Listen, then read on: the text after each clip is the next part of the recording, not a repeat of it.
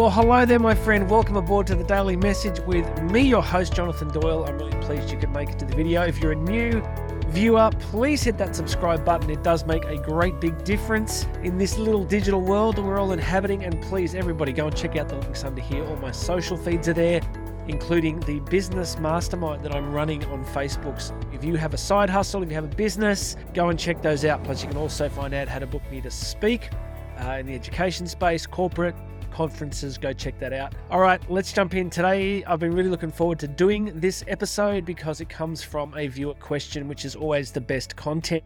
One of the things I love doing on this channel is creating content for questions that you have. So please, today, if you have comments or questions, please pop them in the comments here especially if there's any topics that you'd like me to cover. But today's question was real privilege to read. It came through Instagram. And it came from a lady who's got a very specific question. Even though it's specific, I think you are going to find that there is a lot here that will apply to all of us. Why? Because it deals with human vulnerability. It deals with an area that uh, might seem specific to this person, but we all have something similar. We all have some sense of limitation. We all carry something in our lives. I know I do that we feel really holds us back.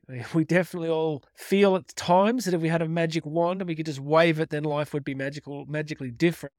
So this lady's challenge is that English is her third language.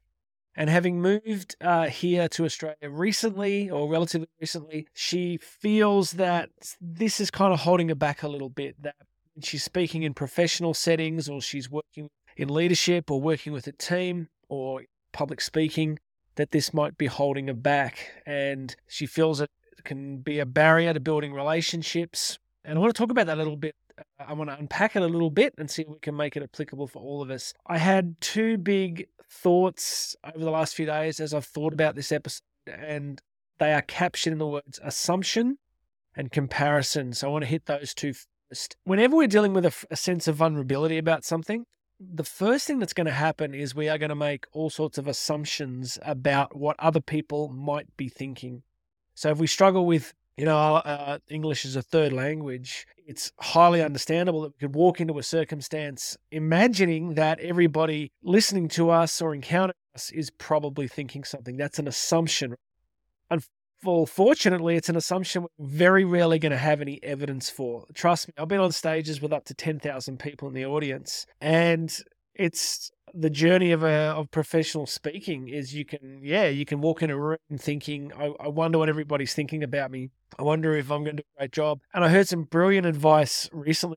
A speaker who i admire was asked do you get nervous? And he said why would i get nervous? I'm not thinking about me. And that's something that i've held to speaking career more and more as I've gotten older is if you take the focus off what people might be thinking about you and switch that focus to how can I serve. sounds very easy to do, but it's an incredibly powerful tool. Often we get nervous in life because we we, we feel we're being judged.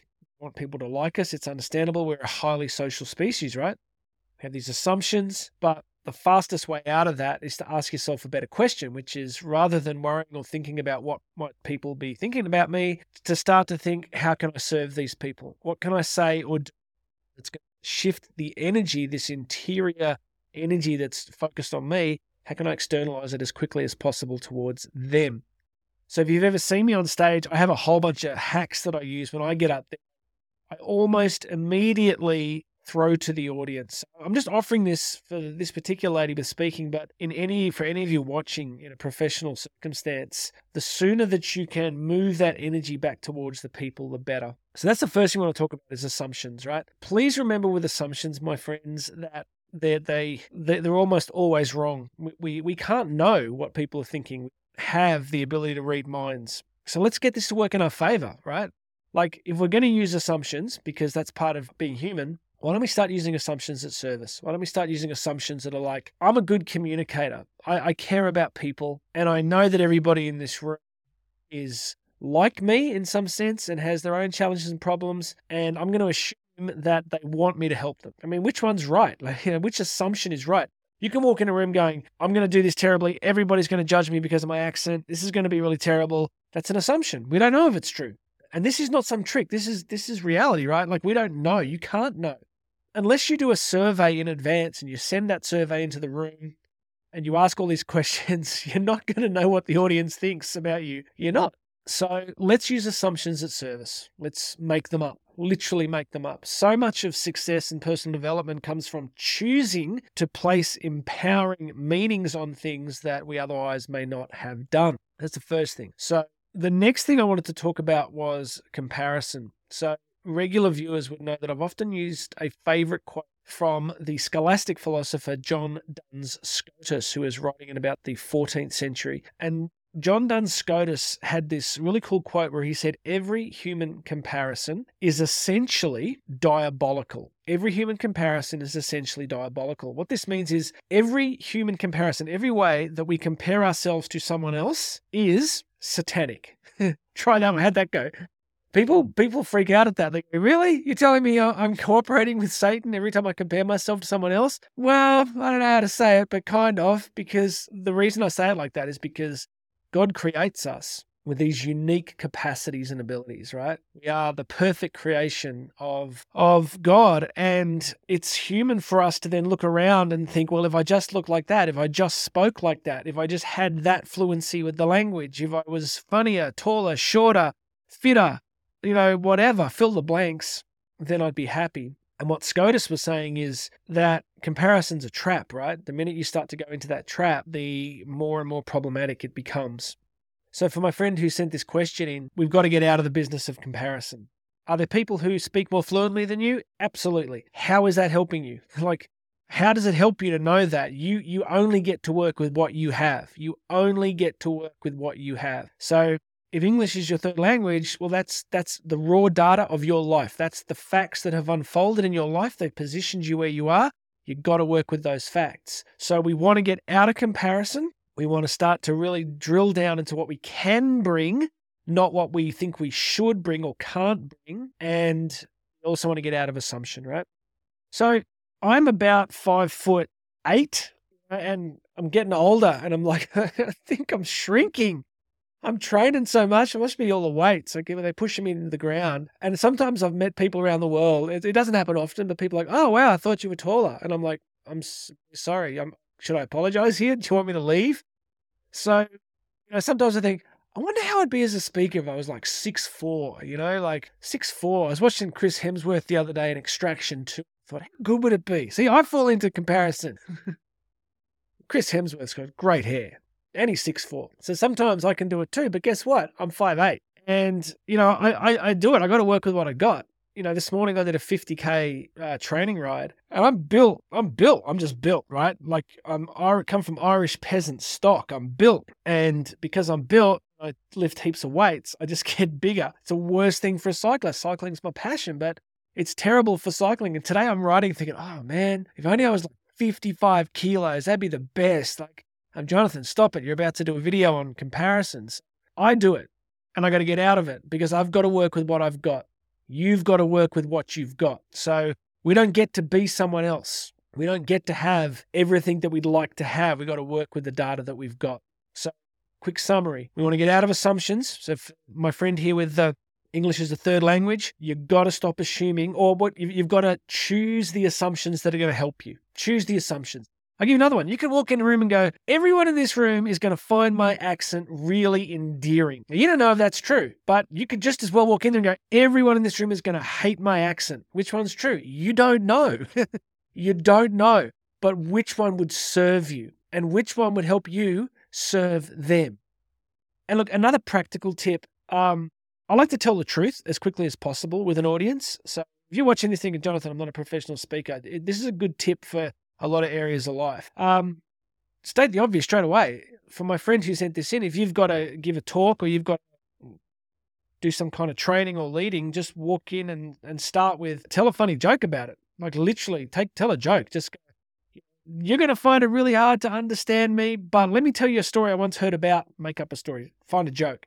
Like I'm not being flippant here. Because sometimes you want to just point out the obvious and then be vulnerable. Like Brene Brown made a massive industry out of vulnerability. So no one likes it if people put themselves down. Like that is the worst thing. Like self deprecating humor is an art form. And if you are not really good at it, you just want to leave that alone. But what I do mean is vulnerability, which is to get up in, on stage or for my friend again with this particular question, be vulnerable. Just say, you know, it's a great privilege to be here today. I'm really you know, happy to speak, but I want to tell you that it's hard for me because tell your story. Say, tell your story. And this leads into my another point that I really wanted to share with this particular person.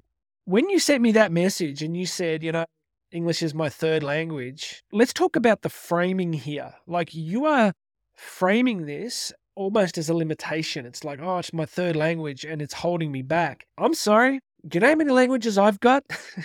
One one, or if my kids are naughty, there's another language that I, use, I can't use on stage. So you have three languages. Do you know how remarkable that is? Do you know the intellectual lifting power that's required to be able to do that? So, can I offer you a reframe? What you might be seeing as a limitation is a testament to your intellectual capacity, is a testament to your backstory, to where you've lived in the world, the cultures that you've lived in. This is a strength, it's not a weakness. And you can say, oh, it's a weakness because it holds me back. Doesn't have to. So I would start to use your perceived weakness as a strength. And I'm offering this to everybody. Perceived weakness as a strength. When you're leading or speaking, if English is your third language, I would just tell the story. I'd say, hey, I'm nervous here today. Do some vulnerability. Be honest. Like, don't, don't manipulate people, but I feel really anxious. I'm worried that I can't serve you because my language might hold me back. So I'm going to invite you to try and listen extra carefully because I care about you and I really want to share this message with you. And I'm sorry that my third language skills might hold me back a little bit, but you know, share your story because humans, when they hear that, they're like, wow, you're being really honest with us. You're, you're telling us a little bit of your backstory. And it can be so powerful, right? So powerful. So let's do our quick summary again. You want to get, want to choose assumptions that are empowering. Lie to yourself. A lot of success comes from lying to yourself until the truth catches up with how you're constructing it. Sometimes you just got to literally fake it till you make it. And so that's assumptions. You want ones that serve you. You want to get out of comparison, right? Because you can't control a lot of things. We've got to get really good at understanding there's a lot that we can't control. So we're going to get out of comparison. We're going to go for vulnerability and we're going to go for reframing. I want you to reframe what you're telling yourself is a problem and use it as a strength. Where's the strength in your perceived limitation? The strength is the remarkable journey that's made up your life the strength is the intellectual capacity you have to master three languages. And the, the reframe is that you have a story. You're interesting. You've come from somewhere. You've had to struggle. You've had to push yourself. You've had to do things that I haven't had to do. I haven't, I can only imagine what it'd be like for me going different country and trying to take, you know, i can communicate really well in English, but for me to try to do this in a different language, that's incredible. It'd be incredible achievement. So you got to stop being hard on yourself and realize that you've actually achieved something pretty darn remarkable. All right, so as always, to make this as relevant as possible for everybody, what we're dealing with here is taking weaknesses and turning them into strengths. So, how do we do it? We find a better story. We realize that limiting stories not only hold us back, they stop us from being a real blessing to other people. So, whatever your perceived weakness is, is also a potential strength. I think Ryan Holiday wrote the book the obstacle is the way. The obstacle is the way. And in my book, Bridging the Gap, I've got a copy here somewhere in the office. Um, I wrote a whole chapter on obstacles. And I'll leave you guys with this that often it is the most difficult things in our lives, the most challenging things in our lives, that rather than wrecking us, if we can find better meanings inside them, can be a really crucial part of the way forward. All right, so I'd love you to leave comments, guys. If you want me to do something more specific, I I, always feel this burden when when I get a great question like the one I got, I um I answer it well. But I would just say to this person, much more, much stronger than you think, and allow your story to be a real blessing to people. The last thought I had was I was thinking about Morgan Freeman. You know, Morgan Freeman just has the coolest accent. But if you notice something about Morgan Freeman, he speaks very slowly. He has gravitas. So my friend here with this third language, maybe really slowing down, being vulnerable, and letting the gravity of your words and, and, and the pace and the tempo of your words, rather than getting anxious about, am I saying the right thing? Am I saying it fast enough? Am I speaking fluently? I would go Morgan Freeman. I would just go, slot, gravity, wisdom, just flow. All right, everybody, that's it for today. Leave something in the comments for me, please. Uh, share this with people. You know, and uh, if you've got any topics you want me to cover, put that in the comments too.